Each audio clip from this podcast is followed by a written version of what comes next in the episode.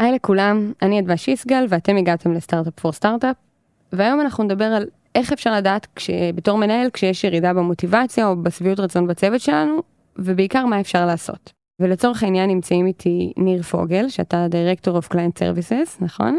היי. היי, אה, והדס מור פלדבאו, שאת אה, Director of People במחלקות של ה-Client Facing. אהלן. ובעצם היום אנחנו נדבר על אה, סיטואציה שאתה נתקלת בה נראה לפני שנה, שבה קיבלת את התוצאות של הסקר engagement השנתי שאנחנו עושים פה במאנדיי, והן היו קצת פחות טובות ממה שחשבת, קיווית.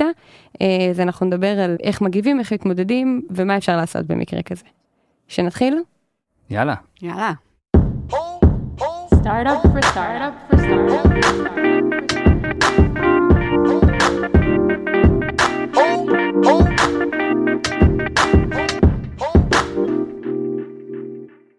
טוב, אז בעצם יש לנו סיפור שמתחיל בעקבות אה, סקר שנתי שאנחנו עושים לעובדים. הדס, אולי נתחיל ממש במשפט, מה זה הסקר הזה? אוקיי, אז בעצם אה, כאן במאנדיי אנחנו אה, מקיימים סקר engagement שנתי אחת לשנה, כשמו כן הוא, אה, שמטרתו בעצם להבין את רמת המחוברות של אנשים ועד כמה הם אה, שמחי, כ- שמחים כאן בעבודה ומגיעים אה, מרוצים וטובי לב, אה, שזו מטרה חשובה בפני עצמה. ולצד זה בעצם אה, הוא מאפשר לנו לאסוף דאטה, אה, גם ברמת כלל חברה וגם פנימה ברמת צוותים, ברמת ריג'נים וסייטים, אה, כדי להבין מה רמת שביעות הרצון של העובדים שלנו על פני מגוון של פרמטרים. מי עד כמה, עד כמה שהם שמחים אה, לעבוד, אה, לעבוד בחברה, אה, דרך שביעות הרצון מהתפקיד שלהם, מהמנהל שלהם, מהלידרשיפ כאן במאנדיי, אה, כמה הם רואים הזדמנויות ואופק להתפתח בחברה, ללמוד ולגדול, ועד כמה הם המליצו לחבר אה, לבוא לעבוד כאן אצלנו.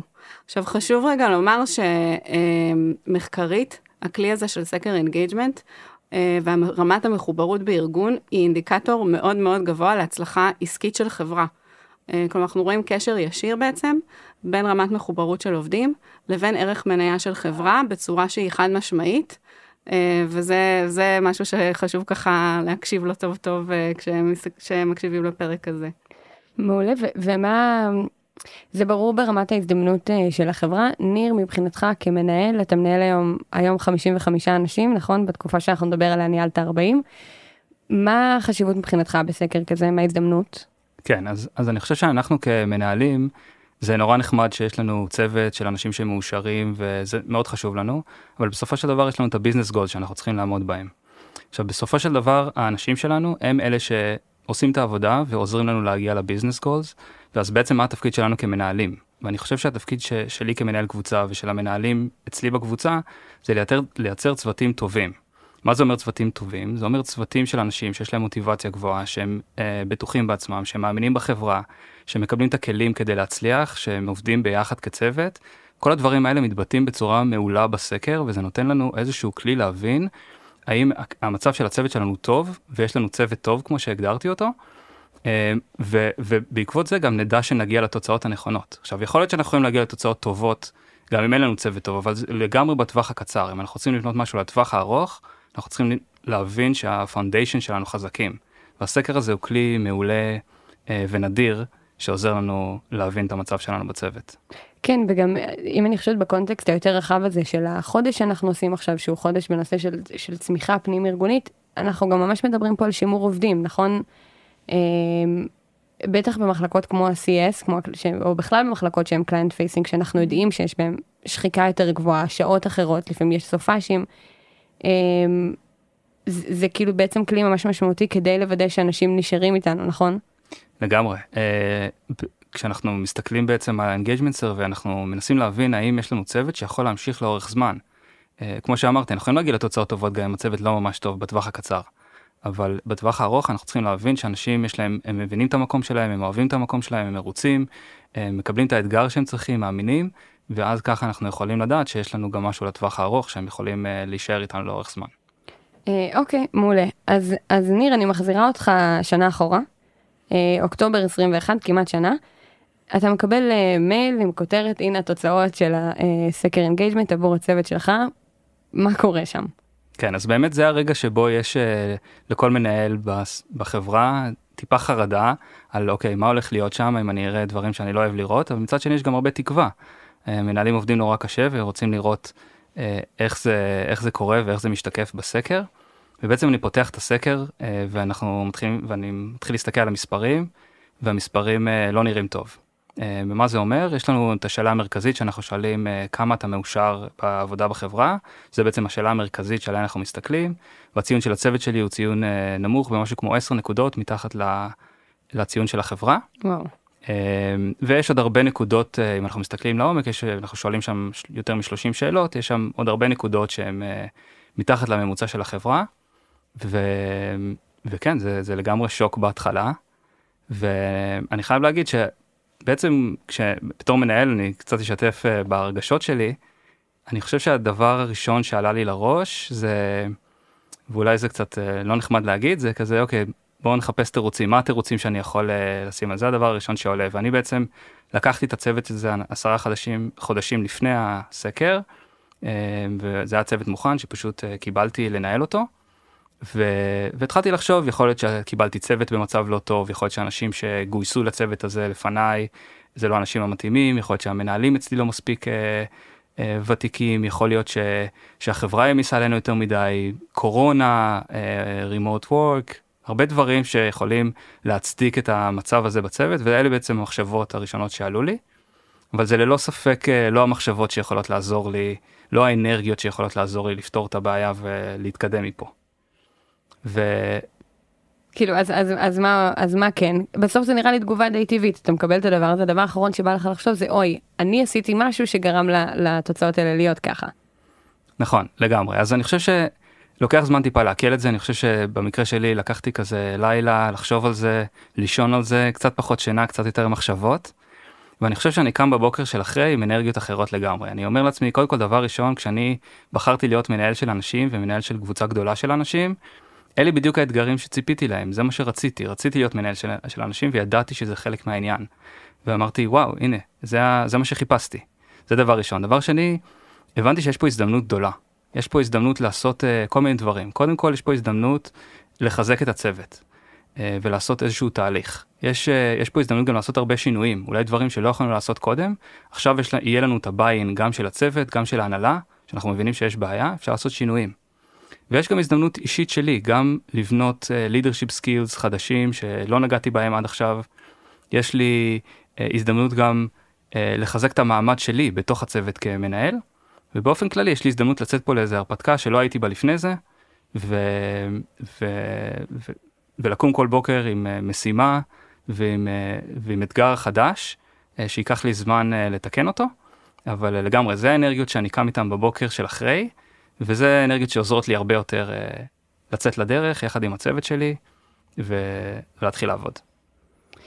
כן, יש פה, יש פה הדס איזשהו ממש עניין של הזדמנות, נכון? כאילו, כשעוברים את השוק הראשוני שתיארת ניר, יש פה איזה מקום שאוקיי, אולי אני יכולה לבנות, כאילו יש פה פקטור של הזדמנות שאני יכולה לבנות עכשיו משהו חזק הרבה יותר, טוב יותר. כן, אני חושבת שבאמת סיפור של ניר ככה מביא איזשהו שיעור מאוד חשוב במנהיגות, כי אנחנו כמנהלים, לפעמים אולי נוטים או מעדיפים להתעלם מבעיה, לטאטא אותה מתחת לשולחן, לא להתמודד איתה ולקוות שיהיה בסדר. אבל בעצם ניר בחר באמת באומץ, אחרי לילה לא פשוט ואחרי שיש עליו מגוון תירוצים, להגיד רגע, כאילו איפה אני פה ומה יכולת ההשפעה שלי ואיך אני עושה איזשהו reframing גם לסיטואציה, ומסתכל עליה כעל הזדמנות ולא על כישלון או שום דבר מהסוג הזה, וגם אגב זה לא כזה. ובעצם מה בתחום ההשפעה שלי ואיך אני רותם אנשים אליי כדי להניע מהלך של שינוי. ו- ומביא את האמונה שזה יכול לעבוד ולהצליח ולהביא את האימפקט שאני מאמין שזה יכול. מנהל אחר יכול להיות שהיה בוחר להתעלם או לעשות איזושהי פעילות מאוד מינימלית סביב התוצאות שהוא ראה, וכנראה שהיינו רואים בין סטגנציה להידרדרות ודברים כמו עזיבות, או פגיעה במוטיבציה, או פגיעה בתוצא, בתוצאות העסקיות, ואני חושבת שניר כן הצליח לתפוס את זה בזמן. אבל אני רוצה לשאול אתכם, אה, תמיד כשאנחנו מדברים פה בפודקאסט ובכלל במאנדי על פידבק, אה, תמיד אומרים שההגדרה של פידבק טוב הוא כזה שאף אחד מהצדדים לא מופתע ממנו, נכון? אם מישהו נתן לי פידבק והוא הפתיע אותי, אז משהו, אם קיבלתי מהמנהלת פידבק והוא הפתיע אותי, משהו בתהליך ביני לבינה לא עובד טוב. זה הגיע לך בהפתעה התוצאות האלה, זה, זה משהו שעולה לפני זה בפגישות one on one.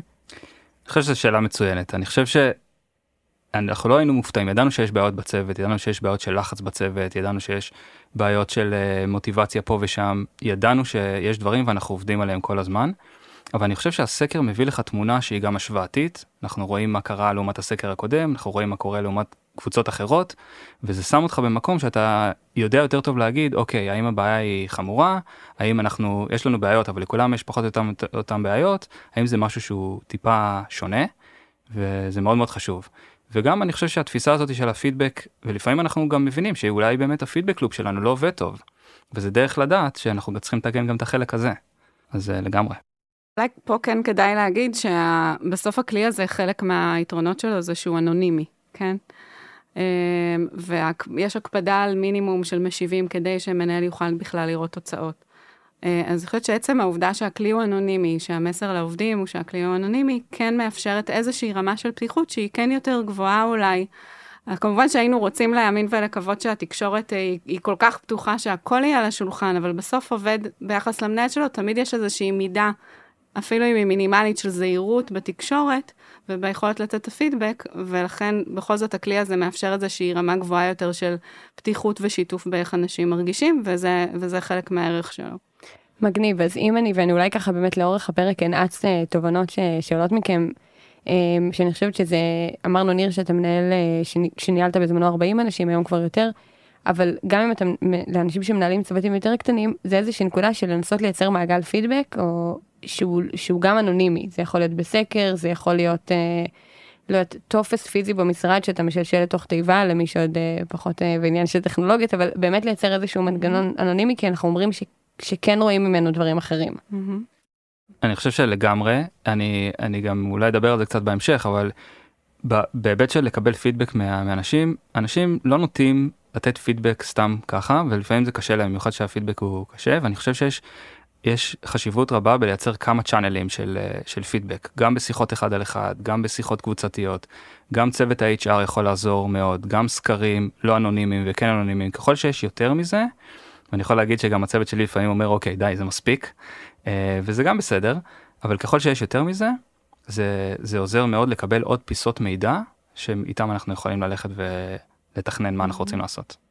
כן, וספציפית בנושא הזה אני חייבת לומר של-HR יש אה, תפקיד מאוד מאוד משמעותי. זאת אומרת, אה, בסוף אה, סקר engagement הוא כלי תומך שהוא יכול להיות מאוד מאוד חזק, אבל הוא לא יכול לעמוד בפני עצמו. ובסוף ביום-יום, וגם בחלק של ניתוח של התוצאות ו- והבנה שלהם, בעצם החיבור של ה- בעיקר ה-HR business partnerיות לשטח, לאנשים, הפגישות אחד על אחד, check-ins עם עובדים שעושים, עובדים שפונים ומשתפים ככה במה הם חווים ומה קורה איתם ואיך הם מרגישים ומה מעסיק אותם. אה, אז כל, ה, כל האזור הזה של ה sensing, של השטח, שהוא דווקא איכותני, הוא מתוך בעיקר שיחות, והעבודה הזו בליווי של המנהלים גם uh, לצד זה, וגם של העובדים, על איך לתקשר יותר טוב ואיך לשתף בפידבק, הוא כן חלק מאוד מאוד חשוב, ו- והסקר לא יכול לעמוד בפני עצמו. אז אנחנו כאילו סיימנו את, את הנקודה בזמן, אה, קודם היה לך את איזה התמודדות של זה לא קשור אליי בכלל, נכון? אה, לקחת לילה, חשבת על זה, אתה קם באנרגיות חדשות, מה עושים עכשיו? כאילו, מה, מה הצעד הבא? כן, אז בעצם בשלב הזה אני מבין, אוקיי, יש פה דרך, זה לא ייפתר ביום אחד, יש פה בעיה ואנחנו צריכים לטפל בה. ואני מנסה להגדיר איזה שהם עקרונות של איך, אה, איך אני הולך לנהל את זה, מה הולך להנחות אותי. ובעצם הגדרתי קבוצה של עקרונות, אני אנסה לפרט אותם. העיקרון הראשון ואולי הכי חשוב זה אה, שקיפות, מה שנקרא אצלנו Transparency and Inclusion. והיה לי מאוד חשוב שא' כולם יבינו את הבעיה, כולם יבינו אותה לפרטים, וגם אה, יבינו איך אנחנו חושבים, מה התוכנית שלנו, ואנחנו על ידי זה גם מזמינים את כולם להשתתף ו- ולחלוק את מה שהם באמת חושבים. זה היה מאוד חשוב כי ראינו את הבעיות במספרים, אבל ידענו שאנחנו לא לגמרי מבינים עדיין מה קורה, ואנחנו צריכים שהכל יהיה שקוף ושאנשים ירגישו שהם יכולים לבוא ולהשתתף בתהליך. משם אני חושב רגע, אני, אני רוצה להתעכב על הנקודה הזאת של השקיפות, אמ, כי אני מדמיינת את עצמי, אוקיי? יש מימד אחד שזה החוויה האישית שלי שאני מרגישה ש... שאני לא מאושרת בעבודה שאני אולי לא יודעת אם אני רוצה להמשיך בה בשנה הבאה. ואז אני בחוויה האישית שלי ואז אולי אני יכולה לחשוב שזה קשור אליי שאני לא עובדת מספיק טובה שאולי התרבות לא מתאימה לי. ואז אם באים ואומרים לי תשמעי רוב האנשים בצוות מרגישים ככה ואני מבינה שזה לא עניין שלי אז אז אולי אני פתאום עכשיו אוקיי אז יש משהו לא בסדר בחברה אז יש משהו לא בסדר בצוות אז יש משהו זה יש משהו מפחיד בלשתף את כולם ב, בזה שזה גורף לא נכון. אז אני חושב שבתור מנה, מנהלים אצלנו בקבוצה בחרנו את השלב שבו אנחנו מרגישים מוכנים ללכת לצוות ולשתף. אני חושב שבתרבות של מאנדיי אין ברירה זה כאילו זה חלק מה, מהתרבות הכל צריך להיות שקוף ו, וזה חלק מהתרבות ואני גם חושב שאם אנחנו מסתכלים בסוף על מה עומד מאחורי זה אותו עובד שהוא לא מרוצה והוא הולך ומדבר עם החברים שלו והוא מבין כבר שהוא לא לבד בסיטואציה הזאת אנחנו לא יכולים להסתיר את הדברים האלה. ואני חושב שבמקרה שלנו לא לא הייתה שום אופציה אחרת זה היה אנחנו היינו חייבים ללכת לצוות ולבקש מהם למעשה להשתתף איתנו בתהליך של, ה, של הוולואציה של מה בעצם קורה פה מה איפה בעצם שורש הבעיה. וזה היה צעד פשוט מתבקש גם אם טיפה מפחיד אבל אנחנו היינו צריכים לעשות את זה. אז אז איך עושים את זה נכון כאילו איך מה אתה צריך ממש בטח באותה נשימה להגיד התוצאות לא טובות ואנחנו הולכים לעשות עם זה משהו כי מספיק שיש פער של ארבע נשימות בין זה לזה אז רק רק דבר אחד נשאר. נכון אז בעצם אה, יצאנו לשלב הזה של התקשור הראשוני לצוות אחרי שעשינו אנליזה מאוד טובה על הדאטה והחלטנו מהם האזורים שאנחנו רוצים להתמקד בהם. ואמרנו אוקיי אה, אנחנו באים לצוות אנחנו מדברים על האזורים שאנחנו רוצים להתמקד בהם ובעצם מזמינים את הצוות להתחיל ללכת איתנו למסע הזה של מה שנקרא root cause analysis שבו אנחנו מנסים להעמיק ולהבין מה, מה אנחנו עושים. אז זה בעצם היה, אוקיי, הבנו את הבעיה, עכשיו זה מה שאנחנו הולכים להתמקד בו, והנה הצעדים שאנחנו הולכים uh, לקחת ואנחנו מזמינים אתכם להשתתף. אוקיי, okay, מעולה, אז אנחנו כבר נגיע לרוט קוז אנליסיס, נמשיך עם העקרונות, אז היו שישה, נכון? נכון. הצלחתי לך אחרי הראשון. נכון. אז העיקרון השני הוא בעצם עיקרון של טימוורק. מאוד מאוד חשוב לה, ש, שההבנה תהיה שזה לא בעיה שלי כמנהל הקבוצה, ואנחנו כולנו שותפים, אז דבר ראשון אולי הכי חשוב זה המנהלים שמנהלים בתוך הקבוצה שהם מנהלי צוותים שהם באים במגע ישיר עם העובדים באופן יומיומי וגם הקבוצה עצמה ואני חושב שזה היה חלק מאוד מאוד חשוב לרתום את כולם להבין שכולם אה, מחויבים לתהליך הזה ומרגישים אה, שותפים. העיקרון השלישי הוא commitment. Uh, היה לי מאוד חשוב להראות את המחויבות שלנו כמנהלים בקבוצה שאנחנו מחויבים לתהליך הזה ולתוצאות שלו ואולי בעניין הזה חשוב להגיד שזה קל להראות commitment כשזה פתאום הדבר הכי בהול שנמצא על השולחן אבל חודש אחרי כבר יש משהו יותר דחוף ואיך אנחנו מראים commitment לאורך זמן ובאמת כל הזמן הזכרנו לעצמנו כל חודש או חודשיים שאנחנו עדיין בתהליך הזה הצגנו את הסטטוס שלו על צוות ולהראות commitment לאורך כל הדרך. שזו נקודה שלא תמיד נמצא הזמן להתייחס אליה, אבל אה, זו נקודה חשובה שאני יכולה ככה לשתף שיצא לי לראות אה, גם בארגונים אחרים. אמ, שבעצם הרבה פעמים אה, הסקר מגיע, התוצאות אה, נפתחות, זה מאוד מאוד דרמטי, אבל אה, לוקחים כמה שבועות קדימה, חודש, חודשיים קדימה, פתאום הדברים נוטים להתמסמס. תוכניות גדולות ש... שהתהוו לא באו לידי ביצוע, ואז בעצם מצד אחד נוצרה איזושהי ציפייה אצל עובדים לעשייה, לשיפור, מצד שני הם לא, אה, הדברים לא מתממשים והם לא הולכים בכיוון. אה, ש, שהם, אה, שהם מצפים, ו, וזה יכול להיות חרב פיפיות. כלומר, אם אתם מתחייבים באמת, כמו שניר אמר, זו התחייבות שהיא קצת יותר לטווח קצר ובינוני לכל הפחות, כי אחרת אנחנו עלולים לייצר setup לאכזבה, כשלרתום אנשים, ואז רגע לאבד אותם אחר, ובפעם הבאה זהו, הם כבר כבר לא איתנו בזה. כן, זו נקודה טובה, כאילו באיזשהו מקום כמעט עדיף לא להגיד בכלל שהולכים לעשות משהו, מאשר להגיד אני הולך לעשות משהו ואחרי חודש לזנוח נכון, אותו. וההמלצה שלי היא, אם אתם יודעים שאתם נורא עמוסים ו- וקשה, וזה לא, אתם לא יכולים עכשיו להיכנס לאיזה תוכנית נורא נורא גדולה. בואו תעשו צעדים קטנים, תעשו קוויק ווינס, תתחייבו לדבר אחד, שניים, שלושה גג, שאתם יכולים לעמוד בהם, ואותם תקדמו, ולא מעבר לזה. ואחר כך תוכלו, תראו שאתם יכולים לעשות עוד צעדים, תמשיכו בכיוון הזה.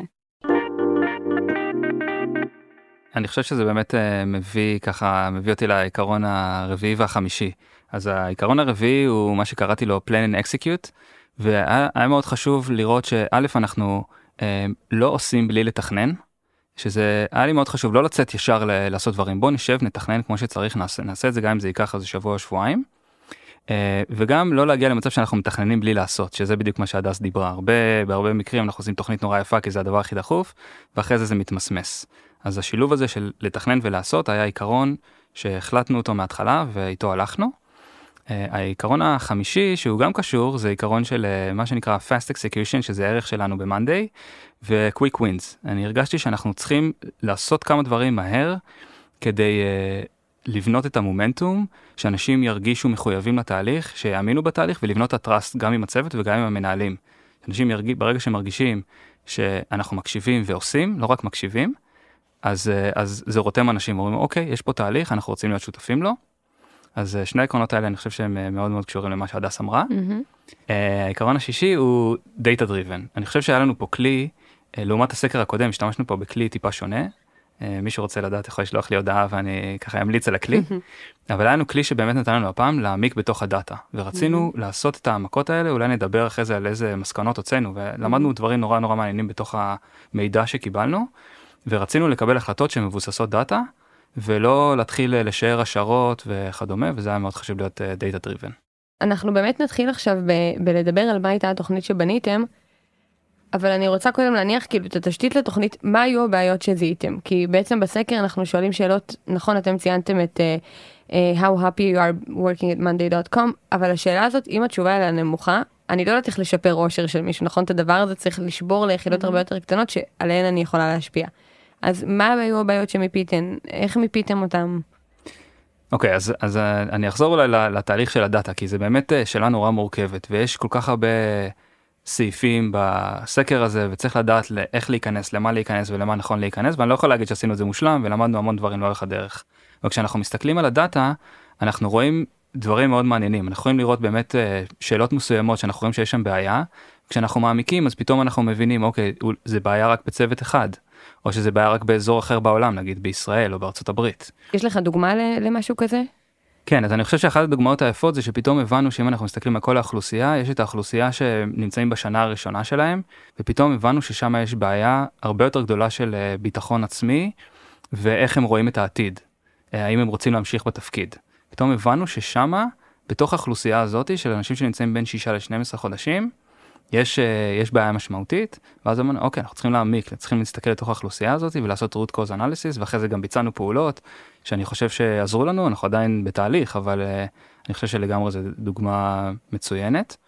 עוד משהו שגילינו בדאטה שהוא נורא מעניין, זה uh, correlations. לדוגמה, מה הקשר בין work-life balance ל-total happiness של עובדים.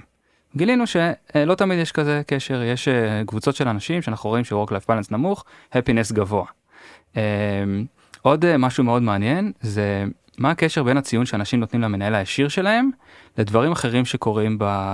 בסקר, לאיך שהם מרגישים בתחומים אחרים, לדוגמה מה רמת הביטחון שלהם, או איך הם רוצים להמשיך בתפקיד, או איך הם רואים את, אה, את מאנדיי כחברה, או את הלידרשיפ. אה, וזה נתן לנו, מנהלים הרבה פעמים שהם פותחים את הסקר, אומרים אוקיי, מה שמעניין אותי זה השלוש שאלות, שאיך דירגו אותי כמנהל. וגילינו שלפעמים הרבה פעמים המנהל מדורג גבוה, אבל אנחנו רואים שהמצב בצוות פחות טוב. או להפך, מנהל מדורג טיפה יותר נמוך, אבל המצב בצוות מצוין. אז מה חשוב? חשוב להסתכל על איך, ה... איך העובד מדרג את המנהל, ברור שזה חשוב, והמנהל יכול ללמוד הרבה מהסקר הזה. אבל בסוף, התפקיד של המנהל הוא לייצר צוות טוב, כמו שאמרתי בהתחלה. ו... ולמדנו את זה ככה לאורך הדרך, שזה היה אינסייטים, אה, אינסייטים מעולים. אבל אני רוצה להגיד שכשאנחנו מסתכלים על הדאטה, אנחנו בעצם הבנו שהתמונה המלאה לא גלויה לפנינו, ואנחנו חייבים להמשיך ולהעמיק, והדרך לעשות את זה היא לקחת מהדאטה את האזורים שאנחנו רוצים להתמקד בהם. והאזור של, ה, של השישה עד 12 חודשים ש, של העובדים, זה דוגמה לאזור שאנחנו רוצים להתמקד בו, או אזור של Work-Life Balance. אזור שאנחנו רוצים להבין, אוקיי, Work-Life Balance זה בגלל שעובדים קשה מדי, בגלל שיש יותר מדי לחץ בעבודה, או דברים כאלה. בחרנו אזורים שאנחנו רוצים להתמקד בהם, וידענו שאין לנו מספיק ידע ואנחנו חייבים לקחת למשהו יותר איכותני, מה שאנחנו קראנו לו root cause analysis. ו- ואיך עושים את זה? זה משיחות עם עובדים? זה מכאילו עוד שאלות שיש בסקר? כן, אז, אז מפה באמת uh, יצאנו לתקשור של הצוות ואמרנו חבר'ה אנחנו הולכים ל-root cause analysis ובואו תצטרפו אלינו. עשינו את זה באמצעות uh, הרבה שיחות. עשינו הרבה round tables בכל מיני פורומים. עשינו אה, הרבה אחד על אחדים, גם המנהלים עצמם, גם אני, גם ה-HR manager שלנו, גם בישראל וגם בארצות הברית, עזרו לנו מאוד, ואספנו את המידע, ותוך כדי זה הצלחנו לה, להבין אה, הרבה הרבה יותר דברים. אני חושב שמה שחשוב להגיד פה זה, ה, זה החזרתיות. הרבה פעמים שואל, אנחנו שואלים את השאלה ואנשים לא ממש משתפים. ו, ואם נשאל את השאלה עוד פעם, או לדוגמה אם עשינו שיחה אחד על אחד ומישהו העלה משהו, אנחנו מבקשים ממנו אתה יכול אולי לשתף ב round table הבא, ואז זה נותן איזה מומנטום כזה של שאנשים יכולים לבוא ולשתף, וזה לא עובד בפעם אחת. היו לנו ה round table הראשונים שלנו לא ממש לימדו אותנו שום דבר. וזה לקח לנו קצת זמן עד שהרגשנו שאנחנו באמת uh, מבינים מה קורה. מעולה, זה, אני חושבת שזו נקודה חשובה העניין הזה של אה, כאילו לפעמים זה קורה שיש איזה פרויקט שאני החלטתי להקדיש את כולי אליו ואני מצפה שכזה אוקיי יאללה באתי לעשות שינוי איפה כאילו איפה אתם ולפעמים שוב מתחבר לזה שהסקר היה אנונימי אולי לאנשים לא מרגישים למרות שכבר באת והצפת אולי הם לא מרגישים בנוח לבוא ולדבר על זה גם בצורה שהיא לא אנונימית אולי כאילו אני חושבת שהעניין הזה של כן. בכל מיני דרכים אה, לנסות להגיע לתובנות האלו זו נקודה חשובה. אולי פה שווה כן אה, להזכיר בהקשר של הסקר את ה... כאילו דיברנו על היתרונות שלו, אבל גם איפה החסרונות שלו, איפה צריך להיות מודעים. אז באמת אחד זה נוגע יותר באזור של הניסוחים והיכולת להבין למה התכוונו אנשים כשענו בצורה מסוימת, והרבה פעמים אה, הניסוחים אולי, בין אם הם לא מספיק מדויקים, או שהם מדויקים ככל שהם מסוגלים להיות, אבל באמת להבין על מה יושבים דברים, זה משהו שיהיה מאוד קשה להבין רק מתוך הסקר, ולכן חייבת לעשות עבודה נוספת של הבנה של cause analysis, כמו שאמר אה, ניר. אה, ונקודה נוספת היא שברגע שמסתכלים על תוצאות הסקר ככה ברמה מאוד מאוד שטחית או level, הוא כמעט לא יגיד לך יותר מדי. כלומר, לא הייתי מסתכלת עליו בצורה כזו ומיד מסיקה מסקנות, אלא באמת, כמו שניר אמר, רגע שנייה לחפור בדאטה ולהבין, כי אם uh, לדוגמה התפלגות uh, של שאלה מסוימת היא כזו, שרוב התשובות נמצאות סביב uh, אותה, אותו דירוג, אותו מספר, אז אוקיי, כנראה שרוב האנשים בצוות מרגישים באופן דומה, אבל לפעמים יש לנו קצוות, ואנחנו רואים ממוצעים. ולפעמים יש בן אדם בודד אחד או אפילו שניים שמושכים צוות שלם כלפי מטה בממוצע, אבל בעצם אנחנו מבינים שיש, אה, שרוב הצוות מרוצה אולי סביב פרמטר מסוים, אבל יש אנשים ספציפיים שמאוד לא מרוצים, והגישה לזה והטיפול הוא יהיה אחרת לגמרי. אם היינו מסתכלים רק על הממוצע והיינו פועלים לפי זה, היינו יוצאים לשולחן עגול עם הצוות ומניחים שכל הצוות לא מרוצה, וזה כנראה לא יוביל אותנו בדרך הנכונה לשיפור. ואני, תקני אותי אם אני טועה, אבל אני חושבת שזה גם עובד בכיוון ההפוך. כי לפעמים אנחנו יכולים לראות ציון גבוה ממוצע, 80, 80 נניח, שזה נכון. אחלה ציון. אבל 80 יכול להיות עשרה אנשים שהם 80, ויכול להיות שני אנשים שהם 100, ושמונה אנשים שהם 20. בדיוק. אז, אז גם אני חושבת בציונים הגבוהים, שווה לחפור רגע בתוך הדאטה ולראות ממה הם נגזרו, במיוחד כשאנחנו מסתכלים על ממוצעים. כן, חד משמעית. אולי, אולי נגיד מילה על ה-root cause analysis. Uh, אני חושב שב-root cause analysis מה שאנחנו גילינו זה שא' יש את התחומים שבהם אנחנו מבינים שיש בעיה ואנחנו מעמיקים לתוכה. לדוגמה ידענו שיש בעיות uh, סביב ה-KPI שלנו. ידענו שזה גורם ללחץ, אנשים לפעמים לא מאמינים ב-KPI כ- כמשהו שיכול לעבוד בשבילם או שמודד אותם בצורה טובה. והלכנו ל-root cause analysis ולמדנו הרבה דברים על הניואנסים של מה בדיוק קורה שם. אבל אני חושב שיותר מעניין זה הדברים שאתה בכלל לא חשבת עליהם ואתה מגלה אותם ואולי ניתן דוגמה. אה, אנחנו במאנדיי תמיד אה, חשבנו שאנחנו שהאווירה נורא טובה ו, ונורא כיף לעבוד ביחד ובאמת חשבנו שזה המצב בצוות ובאחת השיחות פתאום גילינו שאנשים אומרים כן נורא נחמד כולם נורא נחמדים ואנחנו לא מרגישים שיש פה חברות אמיתית בין האנשים אנחנו לא מרגישים שאנחנו רוצים לפגוש את האנשים זה לא מגיע לרמות שזה יכול להגיע אליהם. וזה היה מאוד מפתיע זה היה קצת כזה אוקיי בכלל לא חשבנו שאנחנו מגיעים למ- למקומות האלה לא ראינו את זה בסקר ובשיחות זה עלה ואני חושב שכשהבנו את זה היה לנו גם כלים לטפל בזה ואני חושב שעשינו כמה פעולות גם ב, ב, בכמות המפגשים שאנחנו עושים גם באיך אנחנו מנצלים את התקציב שהחברה נותנת לנו עשינו כמה פעולות שהצליחו ממש אה, לשפר את המצב הזה והיום אנחנו לדעתי במצב הרבה יותר טוב. וזה דוגמה למשהו שלא ראינו בסקר וככה בשיחות עם אנשים הדברים עלו. אז הסקר, התפקיד שלו הוא כמעט כאילו, פשוט להרים דגל. נכון? זה, זה משהו ש... רגע, נעצור, משהו לא מתנהל כמו שאנחנו מצפים שהוא יתנהל, ו- ומפה מתחילה העבודה בעצם, הוא לא, היא לא מסתיימת בסקר וזהו וקיבלתי את התשובות, הוא רק מרים דגל שאומר לי, תסתכלי, תעמיקי, יש פה איזה משהו מעניין. לגמרי. נכון. זה בעצם איזשהו ספוטלייט שאנחנו צריכים לדעת להרים אותו וככה להסתכל מתחת למכסה המנוע ו... ולהבין מה קורה שם ולפעול בהתאם. אוקיי, אז אנחנו ממש, אני רוצה שניכנס אה, לתוכנית. מה הייתה התוכנית אה, אה, שבניתם בשביל, כאילו, תוכנית השיפור שבניתם? כן, אז באמת חילקנו את זה ל short term ו long term. ב long term הבנו שאנחנו צריכים לעשות שינוי הרבה, הרבה מאוד משמעותי, גם באיך שאנחנו מודדים, גם באיך שבכלל כל ה offering שלנו כלפי הלקוחות שמשפיע על הצוות שלנו. הרגשנו שאנחנו צריכים לאפשר לאנשים לעשות דברים שהם הרבה יותר impactful, שהם ירגישו הרבה יותר אה, משמעותיים בתפקיד שלהם, שיהיה להם באמת את הכלים להצליח. אה, זה דברים ככה שעשינו בלונג טרם, זה הבנו שאנחנו צריכים ללכת לכיוון הזה. לגבי השורט טרם עשינו עשינו דברים שהם אה, שיכולנו לעשות אותם מהר לדוגמה ב-KPIs עשינו כל מיני שינויים קטנים שהרגישו מאוד טוב לאנשים. עשינו אה, מבחינה חברתית והשתמשנו בכל המשאבים שהחברה נתנה לנו להשתמש כדי ללכד את הצוות בצורה יותר טובה גם בתקציבים שאנחנו מקבלים גם באיך אנחנו מתכננים את המפגשים הפיזיים עם כל מה שקשור לעבודה מרחוק וכדומה. אה, זה ככה דוגמאות לשורט טרם. ומה שהכי חשוב לנו זה באמת להציג את שני, את שתי העולמות להגיד אוקיי זה הדברים שאנחנו עושים עכשיו אנחנו מבינים שזה לא יפתור את כל הבעיות אנחנו עובדים גם על הדברים האחרים ואני חושב שעוד משהו שהיה מאוד מעניין זה בתוכנית לונג טרם שלנו שיתפנו את הצוות יותר ממה שבדרך כלל אה, נהוג לשתף וגם שם הם הרגישו שהם מקשיבים שאנחנו מקשיבים ומבצעים. אני חושב שאחת השיחות הכי מעניינות היו כשביקרתי בארצות הברית ופגשתי שם את הצוות ועשינו עוד ראונד טייבל ו... ואמרנו להם קצת, נתנו להם קצת יותר פרטים על התוכנית לונג טרם שלנו ו... והצלחנו לפתח שם אנרגיה טובה בשיחה וקיבלנו פידבקים שממש שינו לנו את התוכנית בצורה מאוד משמעותית. ופתאום שבועיים אחרי זה הצגנו את התוכנית החדשה ואנשים אומרים אוקיי הנה הקשיבו לנו ובאמת הפידבק מתקבל זה זה מה שנתן לנו את המומנטום בחודש הראשון אה, לצאת לדרך.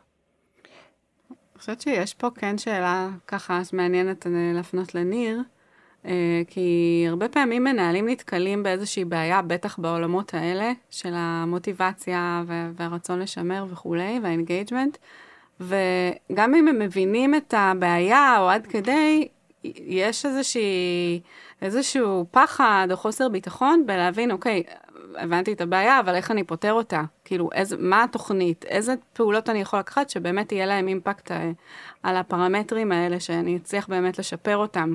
כאילו, אני חושבת שבאמת מעניין כן. לשמוע מניר, כאילו, איך הוא, איך הוא הבין, אה, איך הוא הבין מה לעשות עם זה, בעצם. אז בוא, בוא נגיד את האמת אנחנו מקבלים החלטות אנחנו לא בטוחים במאה אחוז שזה יעבוד. אז אני חושב שיש פה שני אלמנטים אלמנט אחד זה להיות צנועים בעניין הזה לקבל החלטות אבל להבין שהן לא מושלמות ואנחנו לא בטוחים בהן במאה אחוז ולהמשיך את הפידבק לופ לאורך הדרך כל הזמן לראות אוקיי החלטה שביצענו להמשיך לקבל פידבק מהאנשים להבין זה בכיוון לא בכיוון אם צריך לקחת צעד אחורה לדעת לעשות את זה ו, וכל הזמן לשמור על האצבע על הדופק. ודבר שני אני חושב שאולי אולי החלק שאני יותר גאה בו בתהליך הזה זה שהיה לנו חשוב לראות שאנחנו מזיזים את המחט. ובעצם זה סקר שאנחנו עושים פעם בשנה אבל אני לא יכולתי לסבול את העובדה שאני עכשיו צריך לחכות שנה לראות אם אנחנו באמת משתפרים. ידעתי שלא הכל ייפתר אבל אמרתי אני חייב לעשות עוד סקר. באמת אה, פנינו ל-HR והם נרתמו יחד איתנו ו... ואמרנו אנחנו עושים עוד סקר באמצע השנה. אה, שזה גם חלק אה, קצת מפחיד אולי הסקר השני אולי יותר מפחיד אפילו מהראשון כי עשינו עבודה ואנחנו מצפים לראות אה, תזוזה ואם עכשיו אנחנו לא נראה תזוזה או שאפילו דברים יחמירו אז אוקיי אז עכשיו אנחנו בבעיה אנחנו באמת לא יודעים מה לעשות. אה, אבל החלטנו שאנחנו חייבים לעשות את זה כי, כי אחרת לחכות שנה לראות שדברים משתפרים זה, זה לא טוב ואולי נדבר בהמשך קצת על מה ראינו בסקר השני. בסקר השני. אני כן רוצה רגע אולי במקום אה, קצת יותר אישי ניר כאילו איפה אתה נמצא לכל אורך התקופה הזאת כי בטוח יש פה גם איזה חוויה לא קלה כאילו כן אמרת בהתחלה היה איזה רצון למצוא סיבות חיצוניות עברת את הפאזה הזאת נכנסת יותר למקום של אוקיי יש פה אתגר ממשי שבא לי לפצח.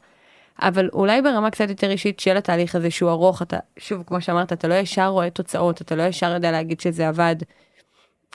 בסוף אתה עובד מול אותם אנשים רק שעכשיו אתה יודע שהם לא בהכרח מאושרים בעבודה שלהם, אתה יודע שהמוטיבציה שלהם לא גבוהה, אתה יודע שאולי הם לא מרוצים ממך, כאילו איך אתה מתנהל בתוך הדבר הזה גם ברמה האישית ולא רק כמנהל. כן, זו שאלה טובה, אני חושב מבחינתי בפעם הראשונה בקריירה, וזה לא פעם ראשונה שאני מנהל צוותים, פעם ראשונה שאני מבין שיש בעיית מוטיבציה ויש בעיית סטיספקשן בצוות שלי, זה לא אומר שלא היו בעיות לפני, זה פשוט פעם ראשונה שזה מול הפנים שלי, וזה גם לא רק מול הפנים שלי, זה out there, הרבה אנשים רואים את זה. אה, וזה באמת אה, תחושה שהיא היא לא פשוטה.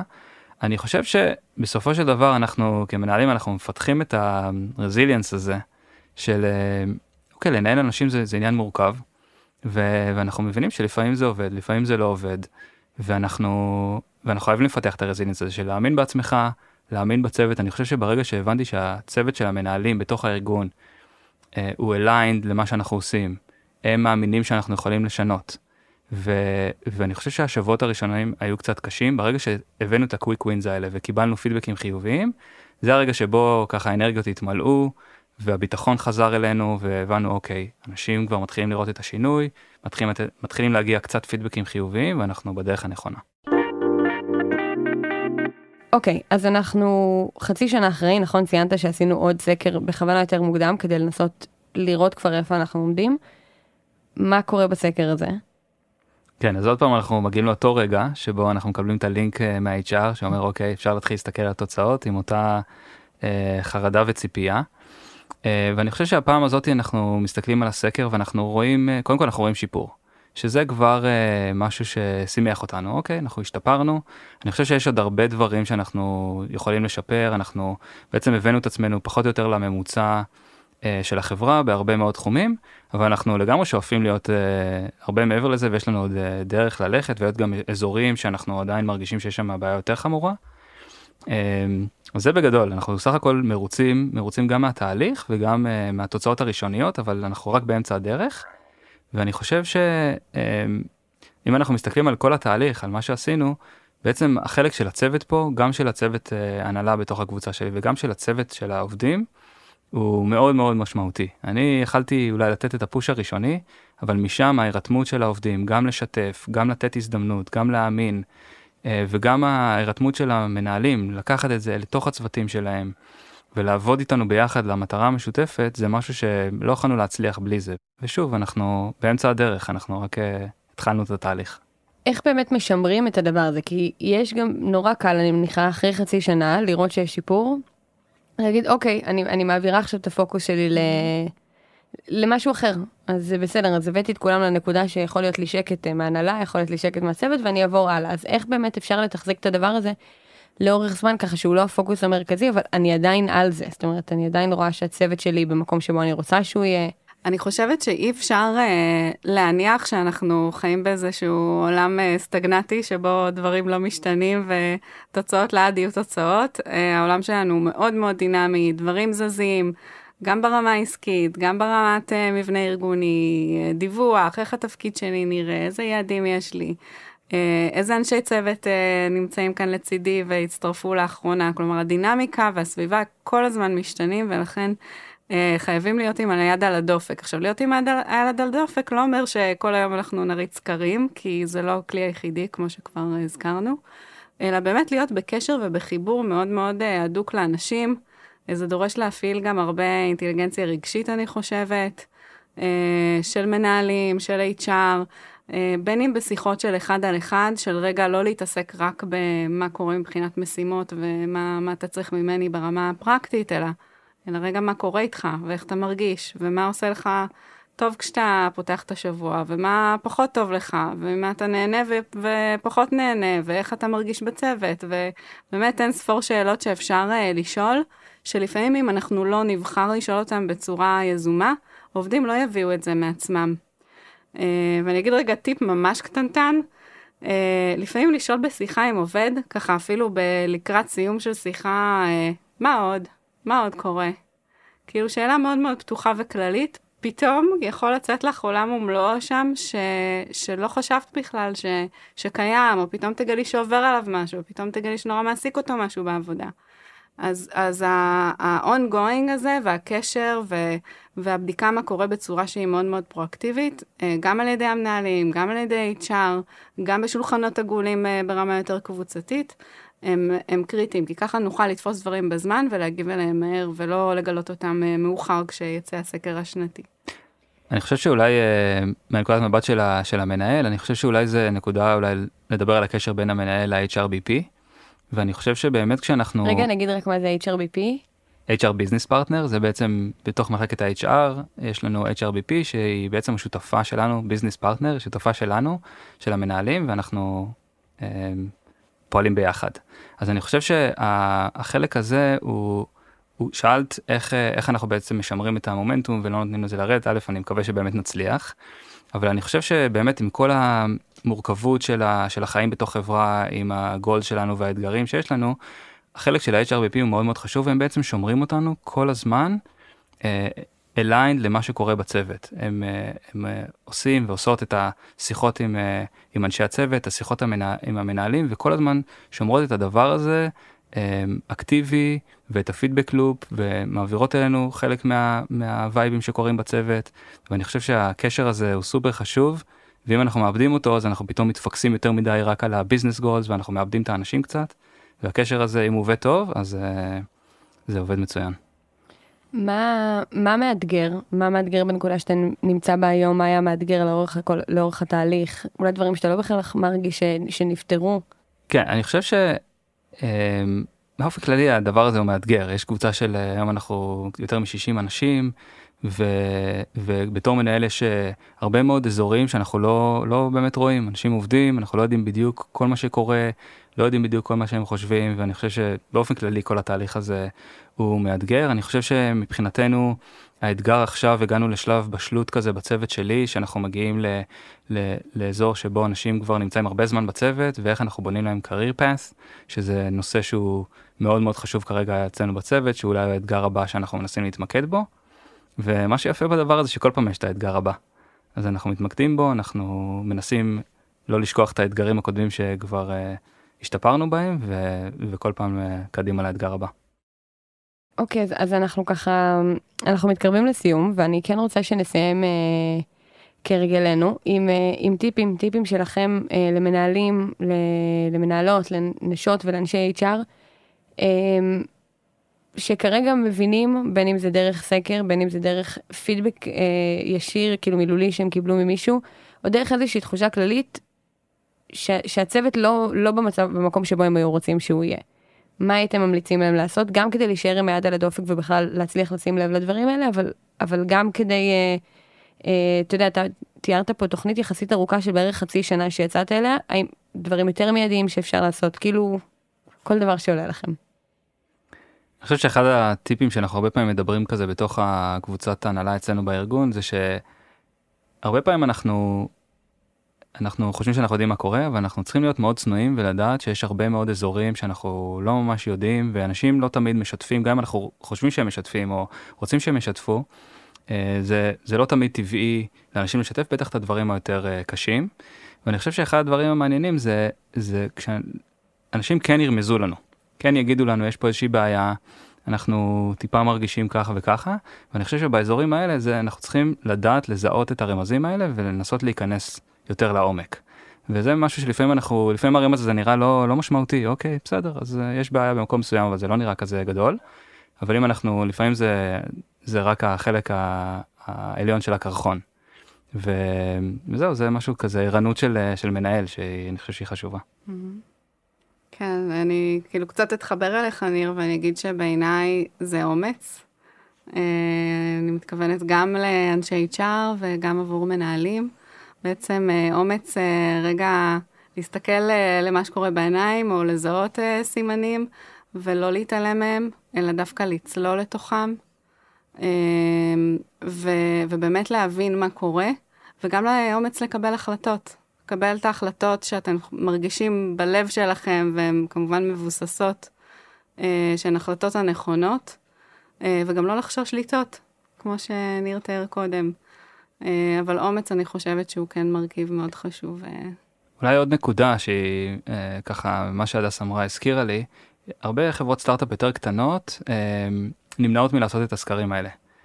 נמנעות מרגישות שהן לא מוכנות זה עוד לא הזמן אנחנו לא בשלים ודברים כאלה ו... ואולי קצת חוששות מלדעת מה קורה ואני חושב שזה נקודה נורא מעניינת אם אנחנו רוצים לגדול ולגדל חברה שיש בה תרבות מאוד מאוד בריאה לאורך זמן ואנחנו חושבים על המשחק הארוך טווח. אז אה, אני חושב שהדברים האלה מאוד חשובים ולא לעשות את זה זה ממש ככה לטאטא את הבעיות מתחת לשטיח ואני מאוד ממליץ אה, לחברות ללכת לעשות את זה לקבל את הפידבק האנונימי ללמוד ממנו גם אם זה יהיה קצת קשה בהתחלה ופתאום יהיו הפתעות הרבה פעמים הסקר הראשון הוא אולי הסקר הכי הכי בעייתי כי באמת זה פעם ראשונה שאנשים משתפים ויכולות להיות שם הפתעות אבל אחר כך עושים אותו כל כמה חודשים כל חצי שנה ואחרי זה אפשר אה, לשנות את ה cadence אה, ואני חושב שזה מאוד מאוד חשוב לבנייה של אה, תרבות ארוכת טווח בארגון. מעולה, אז, אז עם זה אנחנו נסיים, ואני אזכיר רגע לפני שאם אתם רוצים לדעת כל פעם שיוצא פרק חדש, אז אפשר לעקוב אחרינו בכל אחת מהאפליקציות, ואם יש לכם שאלות להדס או לניר, אז אפשר לשאול אותן אה, בקהילה שלנו בפייסבוק או באתר, והם אה, יענו. אה, וזהו, תודה הדס, תודה ניר, ותודה לכם שהאזנתם. Startup for startup for startup.